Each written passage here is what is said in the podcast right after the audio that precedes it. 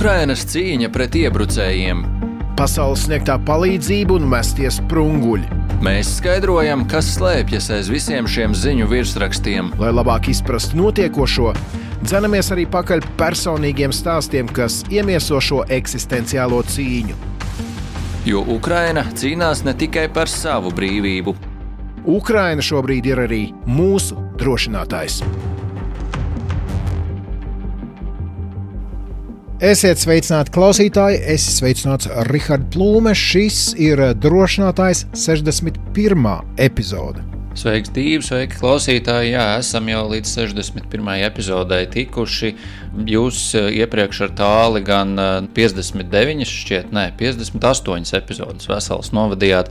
Man gan šī. Kurš to skaita? Kurš to skaita? Bet, nu, redz, mēs epizodes sākumā pieminam, un es skaitu līdzi katru epizodi, un man šī vien tikai otrā, bet ar katru epizodi ieskrienos ar vien vairāk un ātrāk, un nu jau esmu ticis arī šajā epizodē es pie intervijas. Jāsaka, tātad šajā epizodē mūsu galvenā intervija būs ar 16 gadnieku no Harkivas, kurš pats savā mājoklī, un nu jau kaut kādā citā vietā, nedaudz attīstījies, ražo FPV dronus, tātad First Person View dronus, jeb šos te kamikādzes dronus, kas tiek nodoti Ukraiņas bruņotajiem spēkiem un ir kļuvuši par ļoti efektīvu ne, efektīvu ieroci cīņā pret iebrucējiem.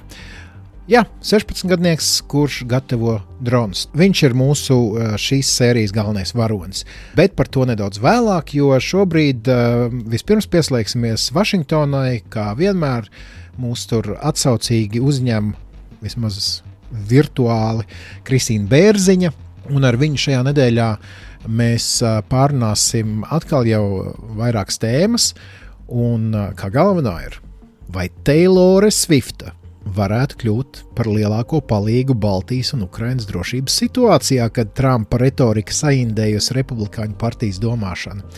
Lūk, tā, ja jums ir Taylor Swift fani ģimenē, sakiet, ka viņiem ir jādzird tas, ko teiks Kristīna. Tāpat arī runāsim par to, ka munīcijas ražotāji Eiropā beidzot ir saņēmušies, un arī pieminēsim pasīvisma refleksa sašķobīšanos Vācijā, kas varētu palīdzēt visai Eiropas drošībai, un jo īpaši Ukrainai 2025. gadā.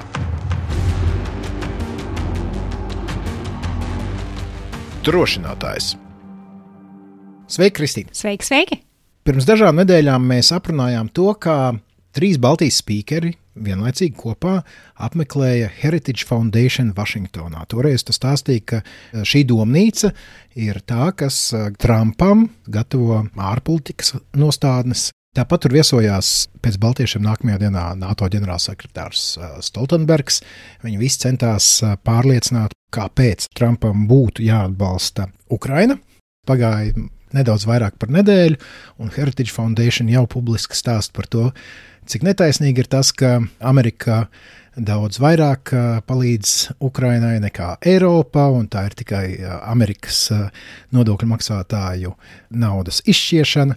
Kas tas ir? Tā ir neveiksmīga vizīte, neveiksmīga pārliecināšana, nav jēgas pie šādiem fondiem braukt, caur kādiem filtriem šīs ziņas mums ir jālaiž un jāuztver. Nu, ļoti daudzi baltieši, NATO amatpersonas un, un citi cenšas pastāstīt īpaši heritage ļaudīm, konservatīvi, pat izolācijas politikas atbalstošiem domātājiem Vašingtonā par Eiropas lieliem centieniem atbalstīt Ukrainu tagad ieguldīt savā drošībā, bet šī retorika iespējams nav izdevīga Heritageam, neiespējams arī šī brīža Amerikas politikai.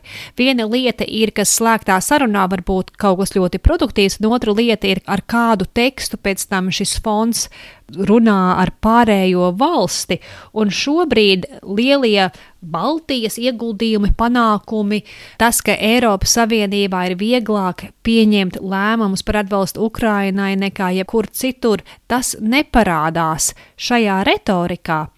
Jautājums ir tāds, vai tāpēc ar viņiem nebūtu jārunā, vai tāpēc vēl joprojām ir jācenšas atrast kopīgu valodu, lai būtu vismaz sajāga par to, kā otrā pusē tur domā un ir vērts aiziet aprunāties un censties pārliecināt.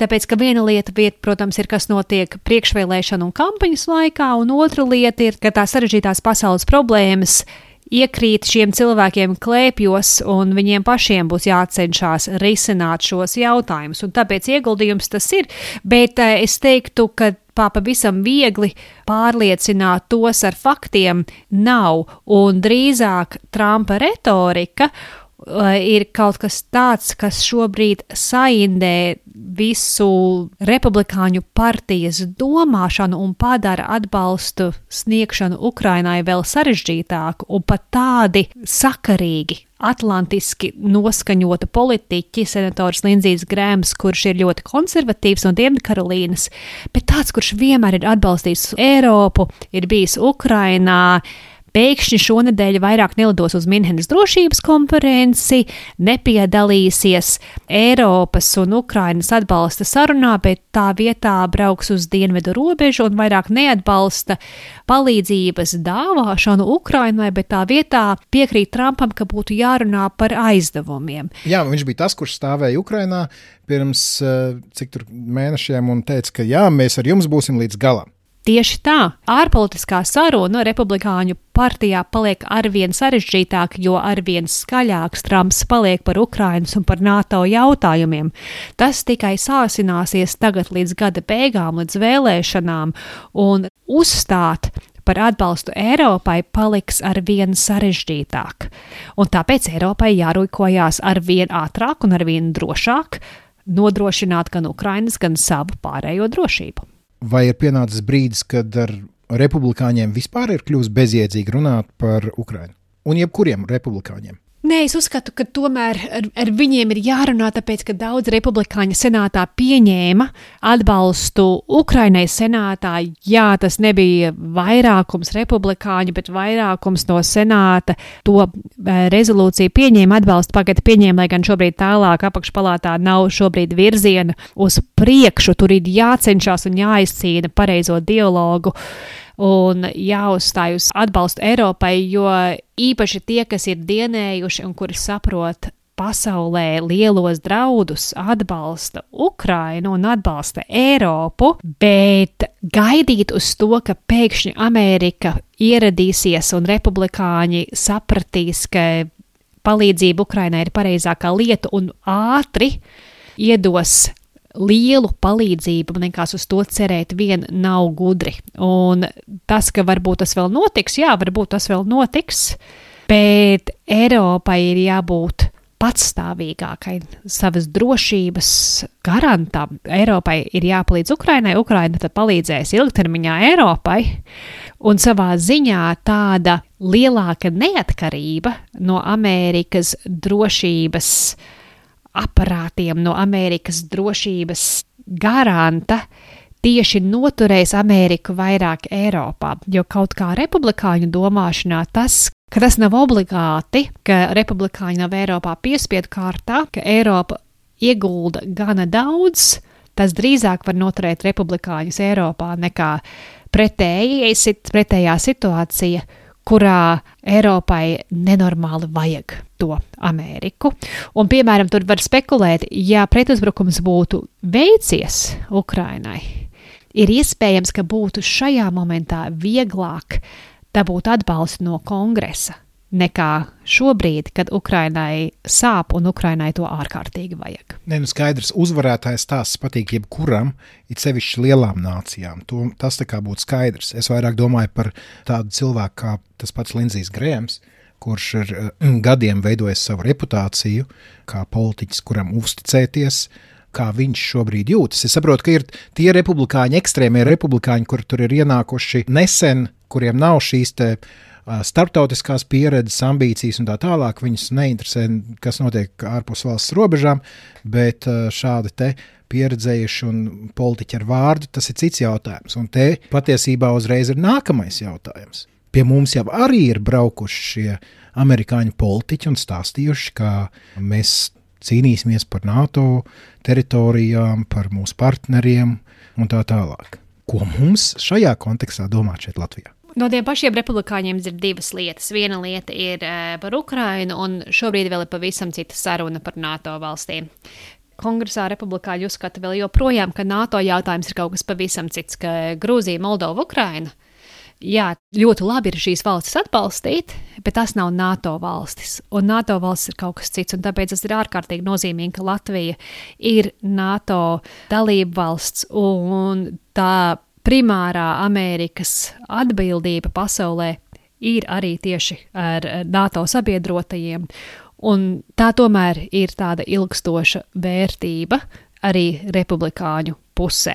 Bet pirmajos mirkļos vienmēr valsts pati ir atbildīga par savu drošību, un tāpēc mēs arī redzam to, kāda ir vietējā jauda, ko var sākumā katra valsts pati izdarīt un ar saviem tuvākajiem kaimiņiem, jo pirmā sekundes, minūtes, stundas tas arī bieži ir vissvarīgākais. Un jo spējīgākas ir visas valstis pirmajos momentos, jo lielāka būs tā sabiedroto palīdzība. To mēs redzējām Ukrainā, un to mēs arī redzēsim jebkur citur. Tālūk, jo vairāk darīsim, jo vairāk būs palīgu. Es esmu atradzis pavisam vienkāršu veidu, kā varētu visas šīs problēmas ar republikāņiem atrisināt.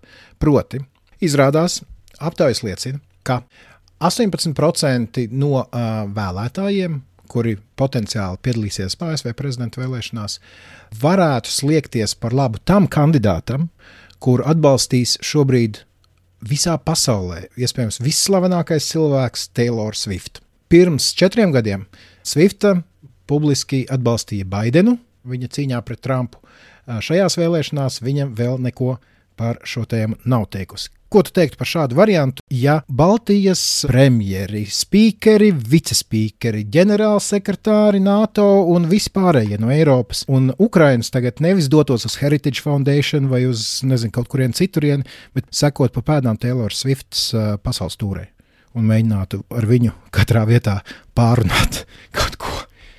Nu, kā arī politikā Taylor Swift varētu būt ļoti ietekmīga, un arī daudzi gaida to, ka Taylor Swift arī šajā politiskajā kampaņā izteiksies par labu demokrātu pusē, un tiem balsotājiem Amerikā, kuriem ikdienā pat negribās ņemties ar politiku, tas, ka Taylor Swift pasaka aiziet, nobalsojiet, Tas varētu būt kaut kas ļoti nozīmīgs. Un arī tā, tas izklausās pat smieklīgi, ka Taylor Swift varētu būt lielākais palīgs Ukrainas un Baltijas drošībai, bet tā tiešām arī varētu būt. Un tad ir jāskatās, kā varētu sabiedrībā pazīstamas personas, tā kā Taylor Swift vai aktieri vai kultūras joma, arvien skaļāk atbalstīt arī drošības vērtības un arī uzsvērt to Eiropas un Amerikas saikni šajā brīdī, kad izskatās, ka Amerikā politiskajā iekārtā daudz vēlās to nolikt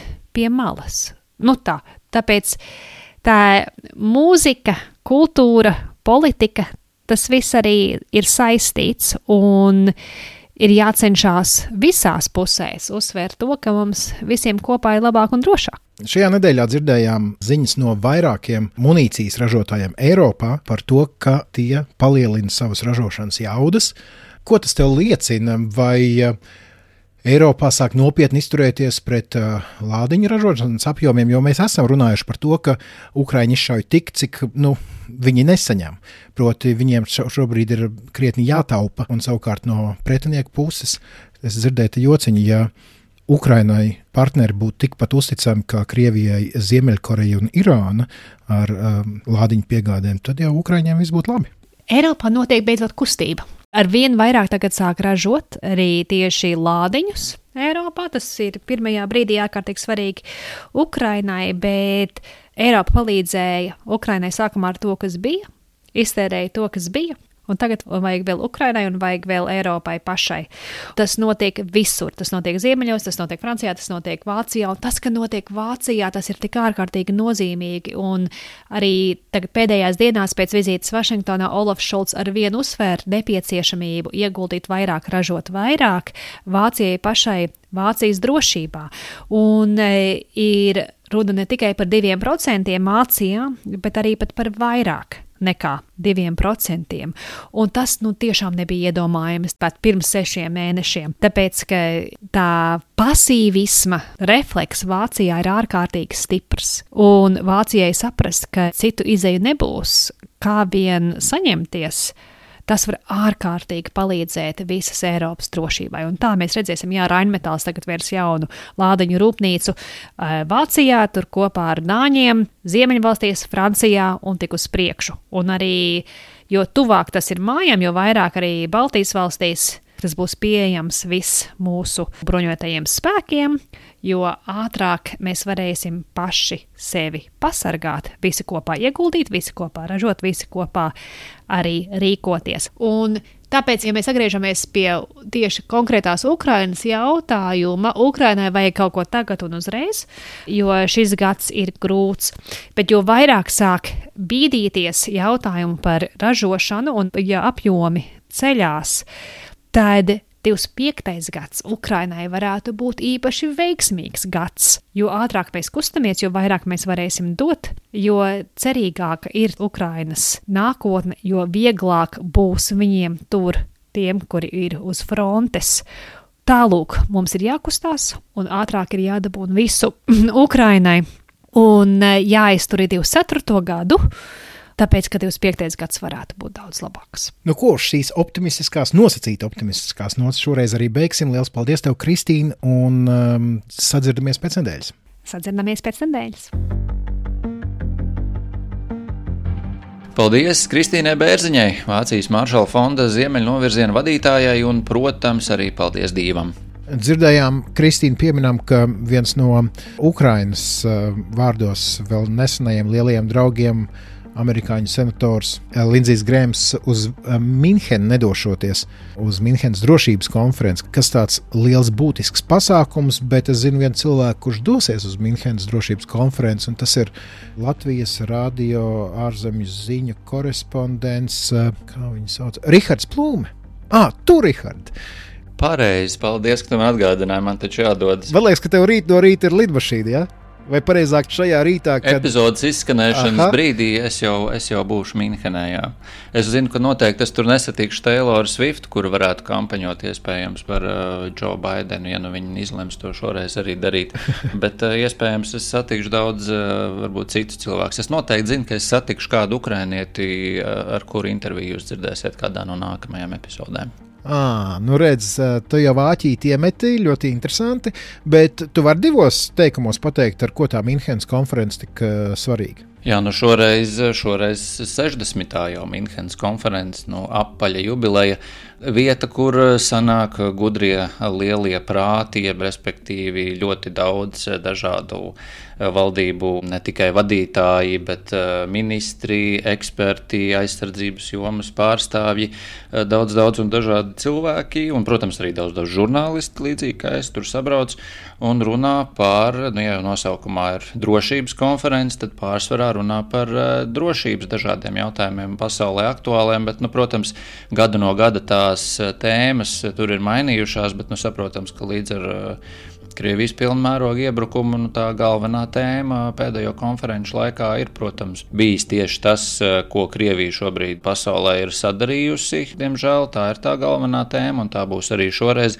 Nu, šoreiz vēl tas, kas pievienosies, noteikti klāt būs arī tas, kas notiek tuvajos austrumos, eh, Gazas joslā. Bet kas ir pa formātu? Tas ir tā galvenais pateikt runu, vai tur eh, galvenais ir tā neoficiālā sadaļa, kur tur dažādās mazajās istabiņās tiek veikti kaut kādas vienošanās līgumi, panāktas kaut kādas vienotas viedokļu saslēgšanās.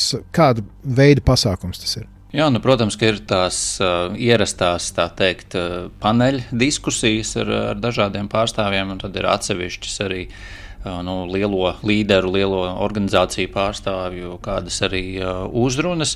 Un tad ir pilnīgi noteikti arī dažādas, jā, divpusējas, trīspusējas tikšanās. Viesnīcā notiek šī konference diezgan graznā. Daudz, protams, numuriņu šajā viesnīcā, un daudzos no numuriņiem čum un muģi no cilvēkiem. Un, nu, ne visur var būt čūma un muģis. Ir daudz kur tāda lielāka slepenība un klusība, kur satiekas amatpersonas un dažādas lietas apspriež un pārspriež un runā.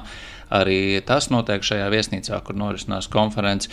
Un viesnīcas, jā, arī nu, liela daļa ir šī neformālā, jo tas, nu, nezinu, vai varētu to nosaukt par moto, bet nu, tāds aicinājums no konferences rīkotājiem ik gadu vienmēr ir nebūt tādiem pašpārliecinātiem, iedomīgiem un domāt, ka tu esi tagad eh, ieradies uz konferenci un tu par visiem visu zini labāk, bet eh, censties tomēr uzklausīt, censties izprast otru pusi un eh, censties atrast eh, laiku, lai sarunātos arī ārpus šīm visām formālajām diskusijām, neformālā gaisotnē. Nu, skaidrs. Tātad katrā ziņā Latvijas radio klausītāji tavu veikumu varēs dzirdēt radio ziņu viļņos.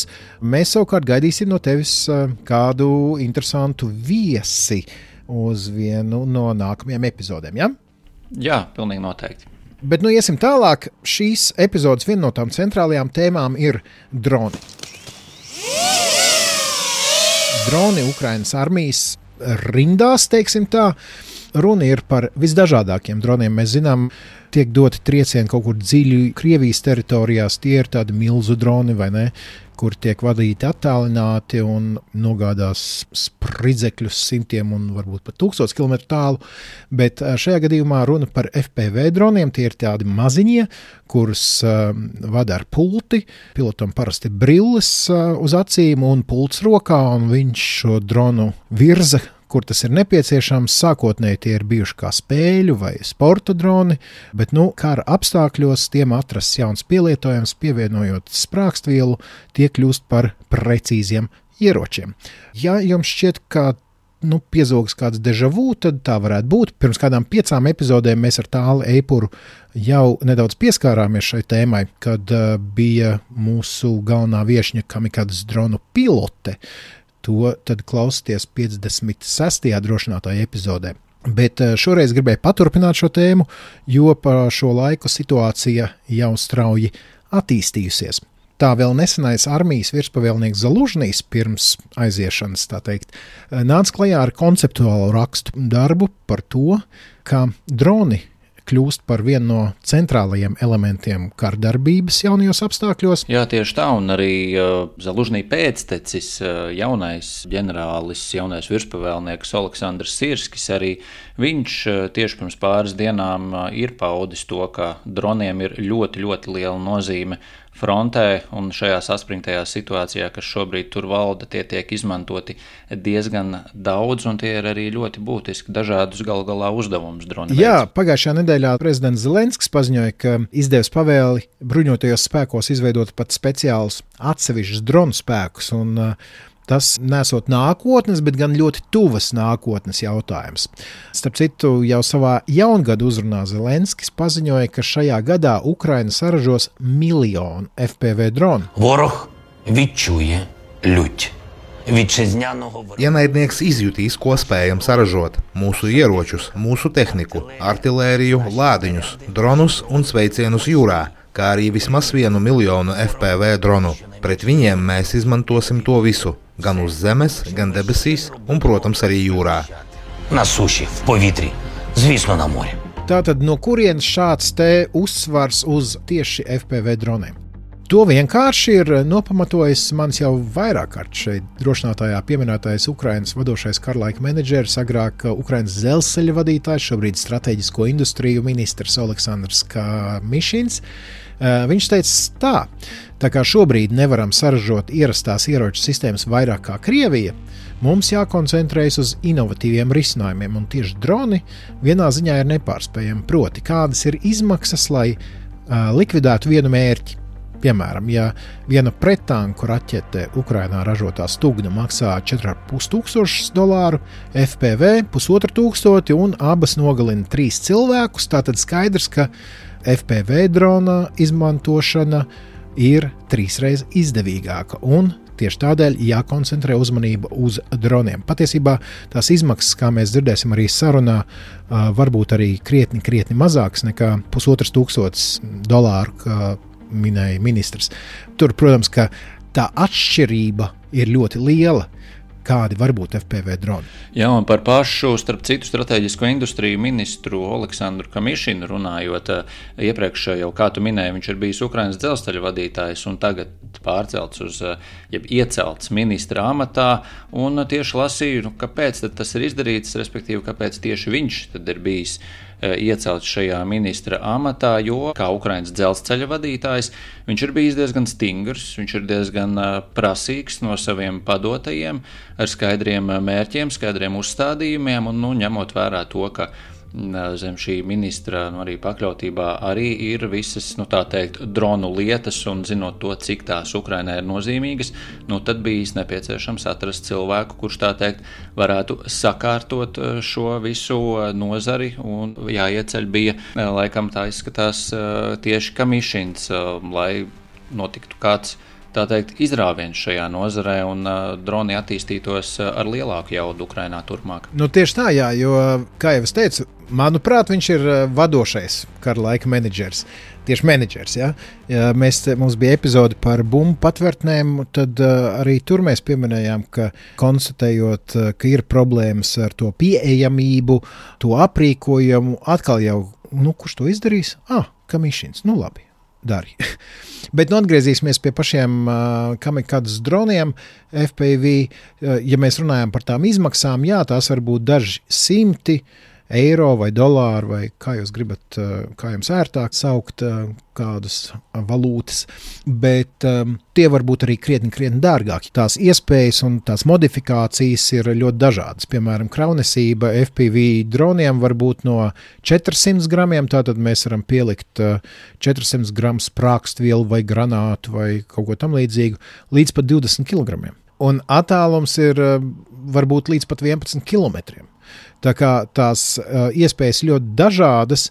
Un te uzreiz ir jāsaka, ka, ja Krievijas puse, protams, ka mēs šobrīd uh, koncentrējamies uz Ukraiņiem, bet, ja skatāmies uz Krievijas pusi, viņi jau arī nestāv malā un, un sākumā izmantoja arī tos pašus DJI dronus, pēc tam parastos FPV dronus, un tad mēģina kaut ko citu saražot, un šobrīd viņiem esot divi FPV dronu modeļi izveidoti, kas tiek ražoti lielās rūpnīcās, ļoti lielos apjomos, kas no vienas puses dod viņiem priekšrocību, ka netrūks šo dronu, it kā no otras puses, ja ir atrasts veids, kā ar tiem elektroniski cīnīties, piemēram, tātad, izmantojot speciālās ierīces, nosēdinot šos dronus vai vienkārši nošaujot viņus zemē, tad uh, Pretī tev ir Ukraina, kurai nav šāda milzu rūpnīca, nav šādu vienu, divu mm, milzu piegādātāju, bet šī ražošana ir ļoti izsēta.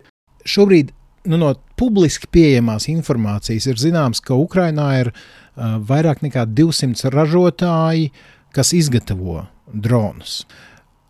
Tas ir uzņēmumi, bet cik ir tādu, kā mūsu šīs dienas varonis, kurš izgatavo dronus mājās, To vispār neviens nevar pateikt.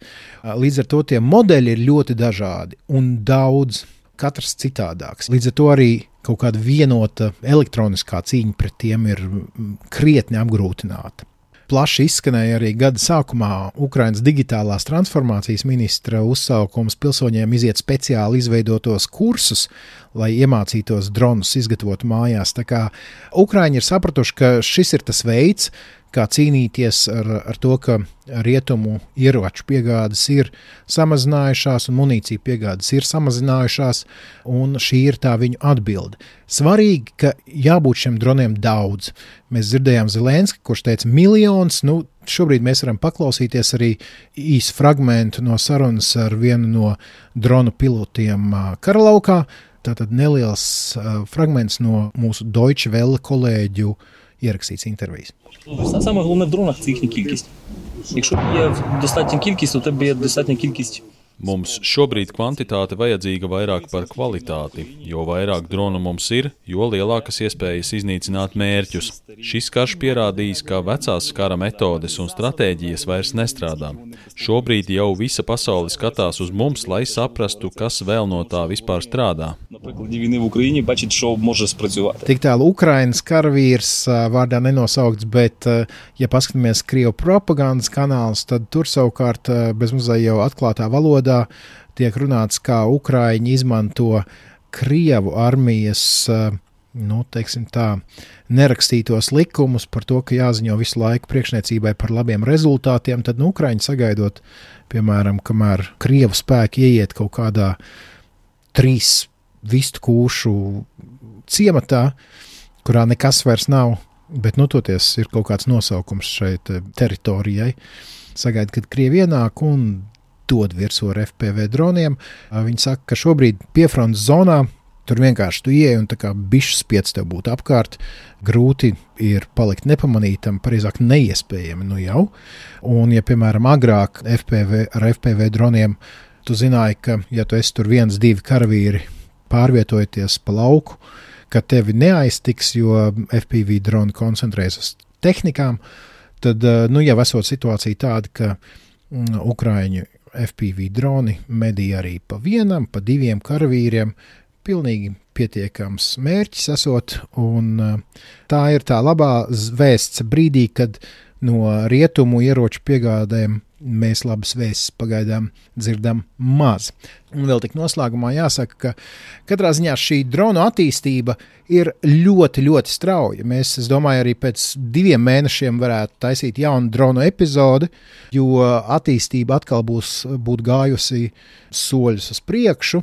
Piemēram, kas mums te ir jaunākais, tagad ir FPV droni iespējams aprīkot ar munīciju, kas ļauj uh, dragāt bruņas. Piemēram, gadu mijā pie Dīvkas no 50 tankiem sešu nedēļu laikā, kas tikuši iznīcināti, 30 esot uh, FPV dronu roku darbs. Parasti tā sistēma esot tāda, ka uh, vispirms uh, viens drons dod triecienu, tanks apstājas, un tad ir otrs drona trieciens, kas jau to tanku likvidē pavisam. Tāpat arī nakts redzamības iekārtas, nu jau FPV droniem esot sagādātas daudz vietā un daudziem modeļiem, tā kā iespējams darboties arī naktī. Kas šobrīd ir lielākais traucēklis, proti, kas ir labākie laikapstākļi Krievijas spēkiem Ukrajinā šobrīd? Tie ir lietaini laikapstākļi, kad FPV drons esot visai grūti izmantot pārsvarā. Tik tālu man ir tas, ko es uz šo brīdi saskatīju kā tādu interesantāko un svarīgāko, ja mēs runājam par FPV droniem. Tas bija kā, tā, kā tāds pagarāks ievads mūsu šīs nedēļas galvenajai intervijai. Jā, un tu jau vienā brīdī minēji, redz, Ukrāņi ir uzsaukums bijis pilsoņiem iziet šos speciāli izveidotos kursus, lai varīt, varētu to darīt mājās. Nu, viens ir iemācīties droši vien to darīt, tas ir pirmais posms, no otrs jau arī kur tad pēc tam ņemt visus nepieciešamos uh, resursus un finanses, lai pats varētu sēdēt mājās un uh, arī to veidot un pēc tam sūtīt tālāk. Bet, nu jā, Radamirs Čutjuniks, 16 gadus vecais puisis no Harkivas. Viņš ir tas, kurš nodarbojas ar šo FPV dronu salikšanu, samontēšanu. Viņš pats savām rokām taisa dronus kamikādzes un prasmes viņš nav gan ne kursos apguvis, bet apguvis internetā. Dažādus veidus ir meklējis, kā uzlabot, kā izveidot dronus. Līdz šim jau viņš ir salicis pat vairākus uh, simtus. Bet, nu jā, kā jau minēju, viens ir uh, samontēt, otrs ir, uh, kur pirms šīs samontēšanas ņemt detaļas, ņemt naudu. Nu, līdz ar to viņš meklē sponsorus un ziedotājus. Jā, nu agrāk tie ir bijuši vairāk nekā līdz šim, un tāpēc tas, tā galvenā uzmanība ir vērsta uz to, lai atrastu tomēr cilvēkus, kuri varētu palīdzēt uh, Radomiram uh, un tam, ko viņš dara, lai viņš varētu paplašināt uh, savu nodarbi un lai arvien vairāk karavīru frontē saņemtu šos dronus. Nu, ko klausāmies? Radomirs Čučuniks, 16 gadu vecais puisis no Harkivas, kurš izgatavo dronus Ukraiņas armijai. Uh, šī saruna būs uh, Krievijas valodā, un uh, parasti, ja intervija nav latviešu valodā, mēs piedāvājam jums izvēles iespējas, kā to klausīties. Vienmēr tepat blakus šai te pilnajai epizodei publicējam arī interviju oriģinālu valodā.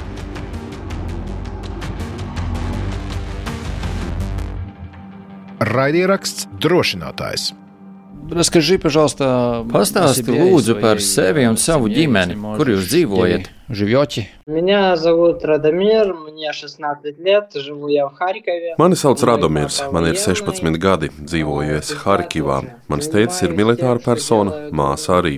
Nodarbojos ar to, ka taisa mūsu kareiviem dronus kamikādzes, FPF dronus, tāpat arī remontēja tos. Ремонтирую трофейные. I как сейчас э, жить в Харькове? Kā šobrīd ir dzīvot Harkivā? Pa pilsētu tomēr bieži šauj. Ну да, стреляют, стреляют они ночью. Jā, Слышно šauj, очень šauj, хорошо, naktī хорошо, arī šauj. un dzirdams ir ļoti labi, ir skaļi. Bet, ja godīgi, tad es pie tā jau esmu pieradis. Un, nu, ko tu esi dzirdējis un novērojis pilsētā, ko domā harkivieši, vai arī liela daļa pārējo cilvēku ir pieraduši pie tā? Jā, jā, visi runā, ka viņi jau ir pieraduši pie tā, ka pilsētu apšauda. Neviens nekur negrib braukt. Kas vēl? Nu jā, dzirdu bieži, ka lido gan šahedi, gan S-300 raķetes. Ļoti bieži dzirdu, ka Очень šahedi часто lido. слышу, как шахеды летают. Уже можешь сказать, jau vari pēc skaņas pateikt, drons tas vai raķete, jā? Tādā pa zvuku. Ну да, да. Ну ракета летит быстро. Jā, jā.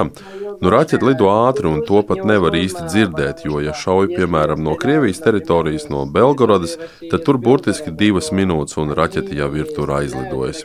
Bet šahedi ir dzirdami labi, un dzirdams, kā pa tiem šauj, kā tos notriec. Tas viss dzirdams.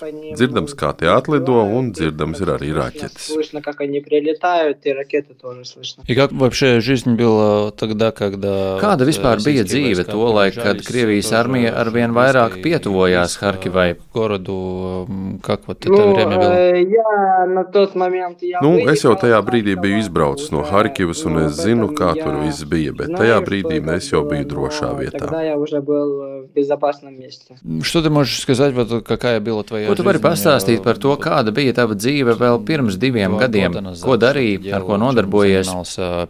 Jāzaņemās sportam. Līdz sākās pilna apmēra iebrukums, es nodarbojos ar sportu. Nodarbojos ar sportu, gāju uz skolu un nedaudz attīstīju sevi informācijas tehnoloģiju sfērā, mācījos programmēšanu, gāju uz angļu valodas kursiem un nodarbojos ar sevis izglītošanu. Un tagad arī ir laiks sportot. Jā, ar sportu es nodarbojos iepriekš, bet Harkivā tagad man ir ļoti daudz darba. Tieši pašlaik es ar sportu nenodarbojos un varu mājās tur kādus vingrinājumus izpildīt. Bet tā kā agrāk aiziet uz kādu nodarbību, to es vairs nevaru. Tiešas učišas skolā. Tu tagad mācies skolā, kādā klasē un kā norit tavas mācības? Tiešsaistē vai klātienē? Mācos es tiešsaistē, eju 11. klasē un šogad man ir jānokārto eksāmeni. Šis ir mans pēdējais gads skolā un tā. э, В школе все так. Тогда получается, что Tad sanāk, ka gan daudz jāstrādā, gan vēl arī daudz Да, jāmācās. да, надо это все Jā, jā, vajag kaut kā to visu savienot, un- bet man Nu, nesanāk. да, сложно. Насколько я понимаю, ты тоже... Cik saprotu, tu arī teici, ka tavs tēvs ir armijā. Varbūt vari pastāstīt nedaudz par viņu. Можешь рассказать немного о нем? А, он офицер, он военный, он э, воевал еще с 2014 Jā, viņš ir года. virsnieks, viņš ir militārists. Viņš karo jau kopš 2014. gada. Pēc tam, kad sākās pilna mēroga karš, 23. februāra naktī aizbrauca, un 24. februārī viņš jau man piezvanīja un teica, ka ir sācies karš un tad pilsētas galā sagaidīja okupants. Un māsa arī jau sen ir armijā. Māsa ir kursante, viņai ir līgums armijā, bet viņai jau ir trešais vai ceturtais kurs armijā.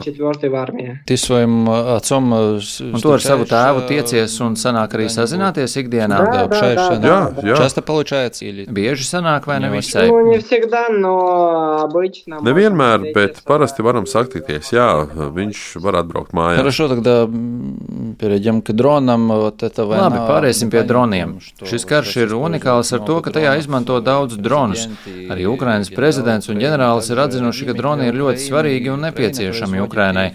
Ukraina arī pati tos ražo un saņem arī no ārzemēm. Kā tu nonāci pie šī lēmuma taisīt dronus? решению собрать дроны. Научился это все через интернет и учусь до сих Iemācījos пор. es to darīt internetā un mācos es joprojām.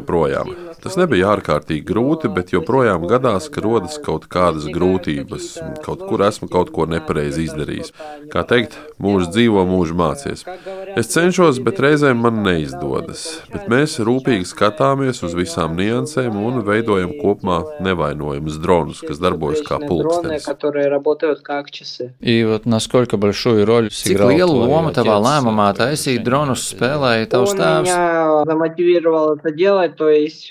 Viņš mani motivēja to darīt, un viņš spēlē lielu lomu tajā, ka es to daru. Jo sākumā visai palīdzībai vajadzēja aiziet viņam, bet pēc tam mēs sākām paplašināt darbības jomu un sākām palīdzēt mūsu armijai, ne tikai viņa vienībai, kurā viņš bija. Un tagad mūsu droni lido visur un visos virzienos.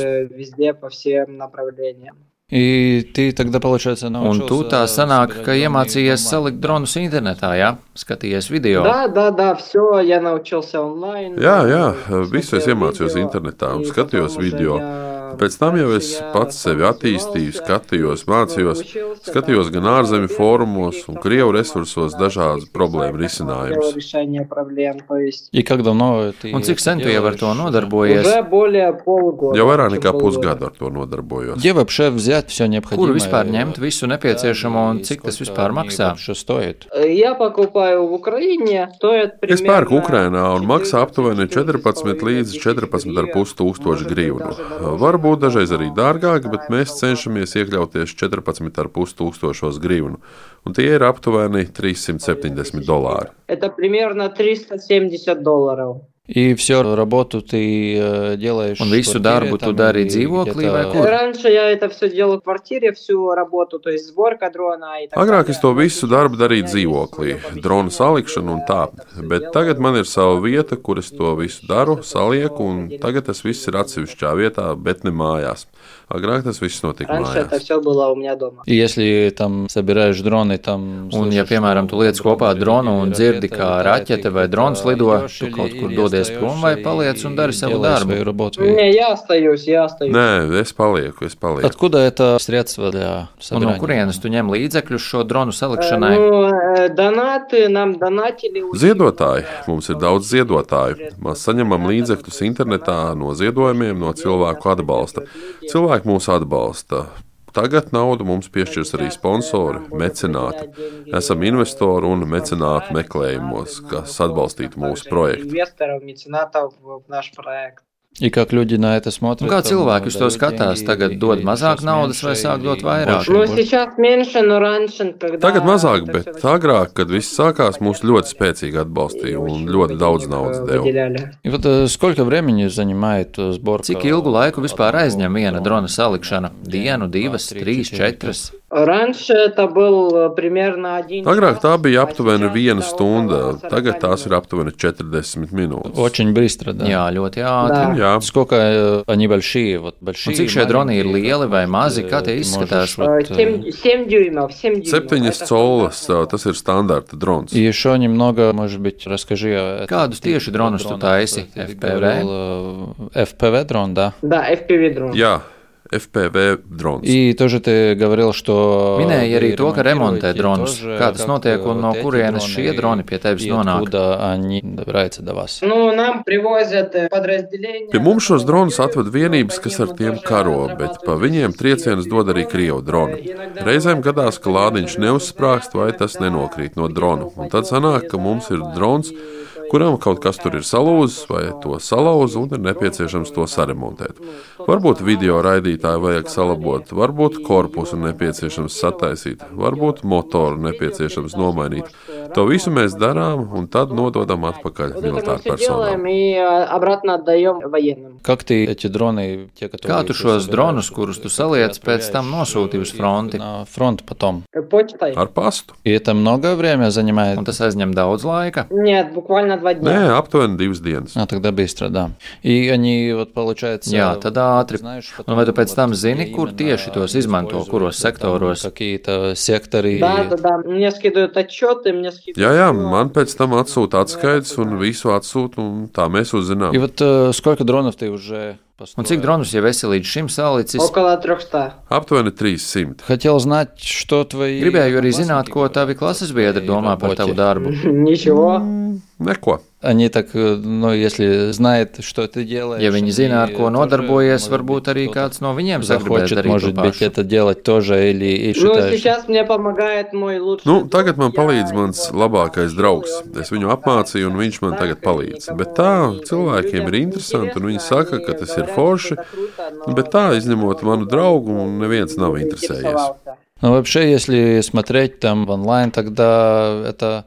ну, Ja кажется, vispār skatās что internetā, tad šķiet, ka diezgan daudz cilvēku Ukrainā tagad ar to nodarbojas, taisa dronus un sūta uz fronti.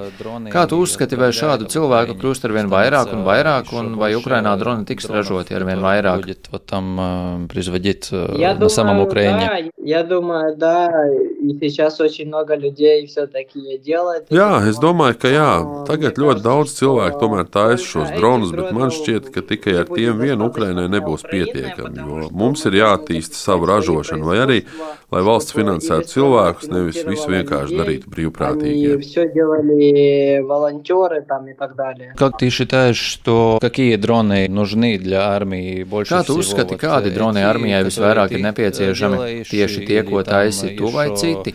Ir много dažādu различных tipu там, droni. э, Kādi типов, droni būs какие vajadzīgi вообще armijai дроны tagad? и понадобятся в армии сейчас? Но моя мысль это дроны с искусственным интеллектом, с захватом. Manas domas ir, целей ka и nepieciešami droni ar mākslīgo intelektu, kas var notvert mērķi, un droni, kas spēj dot triecienus pa ienaidnieku удары по mērķiem. вражеским э, рэпам. Вот Россия тоже вот ад- адаптируется и одновременно... Krievija arī adaptējas un tajā pašā laikā arī ražo dronus. Un cik grūti ar viņiem būs tikt galā. Šis ir tā teikt dronu karš. Вот, м, война дронов Да, они сильно адаптируются. под Jā, нас, viņi и, adaptējas, как вам un, kā lai jums сказать, sakam, они jā, tas ir ļoti spēcīgs это ienaidnieks, un viņi pielāgojas mūsu izstrādātiem risinājumiem un kopē tos, un taisa to pašu, ko taisām mēs. Tikai viņi to dara lielākos apmēros, un tam atvēl ļoti lielu Это naudu. очень большие деньги. И это значит, что производителям... Tas nozīmē, ka arī dronu ražotājiem Ukrainā ir nepārtraukti jādomā, kā pielāgoties un domāt jaunas Да, lietas. Да, да, да. Jā, jā. И э, вот э, я предполагаю, что вот... э, Es pieņemu, ka jaunieši šajā большинство vecumā, людей skolas школьного vecumā, возраста varētu gribēt izklaidēties ar draugiem, nevis strādāt, kā to dari tu. Kā tu vispār skaties uz to, kā karš izmainījis tavu dzīvi un arī tavu klases biedru dzīvi? Жизнь твоих одноклассников сейчас. Э, Не знаю, я думаю, что... Как это сказать Nu, правильно? Ну, война nezinu, изменила kā lai to всех. pareizi saka, karš ir mainījis visus cilvēkus. Cilvēki ir kļuvuši vairāk, kā lai saka, nu, tuvāk cits citam, sākuši cits citam vairāk palīdzēt, un tādēļ mūsu tauta ir kļuvusi Из-за spēcīgāka. этого мы, наш народ стал сильнее. И вот, э, какие у тебя вообще планы Kādi после tev ir вот plāni окончания pēc skolas школы? pabeigšanas, Где vai ты domāji iet kaut kur пойдешь tālāk тоже mācīties, vai дальше kā? учиться или как? Э, Еще не знаю, может... э, Vēl если nezinu, на это varbūt, ja будет, būs э, nepieciešamība, tad нужда, varbūt es iešu то, armijā. возможно, пойду в армию. И тоже, м, я Un думаю, es pieļauju, ka что-то gan jau kaut ko связано с saistībā дронами. ar droniem darītu, jā? Э, Я думаю, да. Es domāju, ka jā. Ну, В конце мы обычно вот задаем нашим гостям один Un и noslēgumā, тот же kā вопрос, ierasts чего visiem mūsu пожелать, viesiem, э, uzdodam šo именно jautājumu par to, ko tev хотят, personīgi э, novēlēt. хотят, э, Visiem gribas mieru un победу uzvaru, bet и eh, мир, ko но novēlēt tieši что tev? Тебе вот э, именно пожелать. Ну, я бы хотел, э, чтобы мой проект э, дальше Nu, развивался. es vēlētos, lai mans projekts attīstītos tālāk, lai mēs atrastu projektam mecenātus un sponsorus, lai mēs varētu ražot vēl vairāk dronu. Jo man galvenais ir uzvara šajā karā, un mums ir nepieciešams izveidot ļoti spēcīgu dronu ražošanu. У меня не только Man nav tikai šis projekts, un es zinu, kā taisīt dronus, kas paši sevi vadīs, bet mums vienkārši nepieciešami mecenāti un cilvēki, kas ir gatavi tam veltīt naudu. Novēlēt manu projektu attīstību. Хочу пожелать развития проекта себе. Спасибо тебе за разговор. Paldies tev par sarunu. Не за что. Nav par ko. Raidieraksts drošinātājs. Paldies, Rihard! Tas bija Rihards Plūme sarunā ar Radomīru Tutjuniku, 16-gadnieku no Harkivas, kurš uh, izgatavo dronus Ukrainas armijai. Nu, es jau te visu laiku klāstu, ka Ukraina pēc kara beigām tā būs viena dronu ražošanas un izstrādes megavalsts. Arī Radomiram karjera, man liekas, jau ir pilnīgi skaidra. Ja viņš gribēs, viņš izveidos savu uzņēmumu, ja viņš gribēs, viņš noteikti būs pieprasīts speciālists jebkurā šīs uh, sfēras uh, uzņēmumā. Uh, bet, ja jums šķita šis stāsts svarīgs, un ja jūs uzzinājāt ko jaunu, ja jūs iedvesmoja Radumirs, tad ziniet, jā, varbūt jūs varat kļūt par viņa mecenātu, ko viņš tā meklē. Sazinieties ar mums, Rihards nodos ziņu, vai ne? Jā, noteikti. Nu, tieši, tieši tā, tas, ko Radamirs tiešām uz ko viņš cer un uz ko viņš gaida, ir brīdis, kad viņš varēs to visu darīt daudz plašāk un aktīvāk, un skaidrs, ka viņš noteikti būs profesionāls šajā jomā. Nu, viņš jau arī atzina, ka visticamāk, iespējams, dosies uz armiju, un tur jau arī ar tiem pašiem droniem vai tehnoloģijām arī kaut ko dzēn darīs. Un, nu, jā, pirms es, jau, jau pirms intervijas, kad es ar viņu sarakstījāmies vairākas dienas, un to nācās darīt tāpēc, ka vienkārši tas, ko viņš dara ārpus mācībām, vai precīzāk mācības, viņš pat Tā šķiet ir nolicis otrajā plānā, lai gan viņam pēdējais gads un eksāmeni, tas, ko viņš dara, viņš nu, absolūti lielāko daļu laika nodarbojas tieši ar šo dronu ražošanu, ar visām šīm saistītajām lietām. Un līdz ar to viņš ir nu, ļoti, ļoti aizņemts puisis savos 16 gados, un pat intervijas laikā varēja dzirdēt visu laiku, ka kaut kas fonā tiek darīts, klabināts, un nezinu, vai likts drons, vai vismaz meklēts kaut kas internetā. Zini, man tā arī izklausījās, tā, kad es uzzināju, cik gari ir intervijas, domāju, ej! Kas te par haltūrēšanu?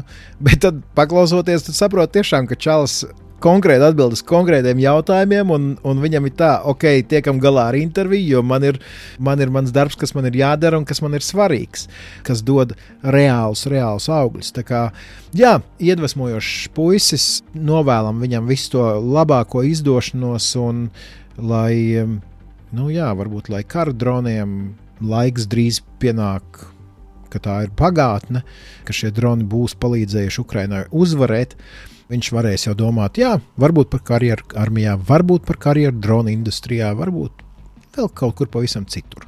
Jā, katrā ziņā viņš pilnīgi noteikti var jau tagad teikt, un varēs pēc uzvaras teikt, ka viņš ir pielicis eh, diezgan lielu roku šai uzvarai. LSM mēs parasti nedēļas nogalēs publicējam šīs intervijas rakstiskā formātā, pievienojam klāt arī kādus fotofailus, lai jūs labāk varat iepazīties ar mūsu varoņiem. Kā tur ir Radomirs, iedos kādu savu bildīti, vai viņš grib palikt anonīms, vai kā tur ir? Es viņam esmu ar viņu sazinājies, bet viņš man nav neko joprojām atbildējis. Es viņam uzrakstīšu atkal vēlreiz. Jā. Nu ko, intriga paliek, intriga paliek. Jebkurā gadījumā intervija LSM LV būs nedēļas nogalē. Sekojiet līdzi. Mums jūs varat rakstīt uz drošinātājs at Latvijas Rādio LV. Tā ir mūsu e-pasta adrese. Tāpat uh, šī gada jaunums ir tas, ka mūs arī piekdienu vakaros var dzirdēt drošinātāju Latvijas Rādio viens ēterā 6.15 vakarā. Jā. Bet nu, vienmēr visplašākais saturs būs te straumēšanas platformās pieejamajā drošinātāja pilnajā versijā. Nu jau 61. epizode, nu jau tā arī ir nonākusi līdz beigām. Man liekas, nekas šajā nedēļā vairs nav sakāms. Tev kaut kas vēl sakāms? Man sakāms tikai tas, ka man ir prieks, ka ir tādi cilvēki, kuri palīdz armijai arī nesot frontē. Tieši tā. Tā kā paldies, ka klausījāties un uz sadzirdēšanos pēc nedēļas. Atcerieties, drošinātājs tas ir skaidri un personīgi par karu Ukrajinā. Raidieraksts drošinātājs.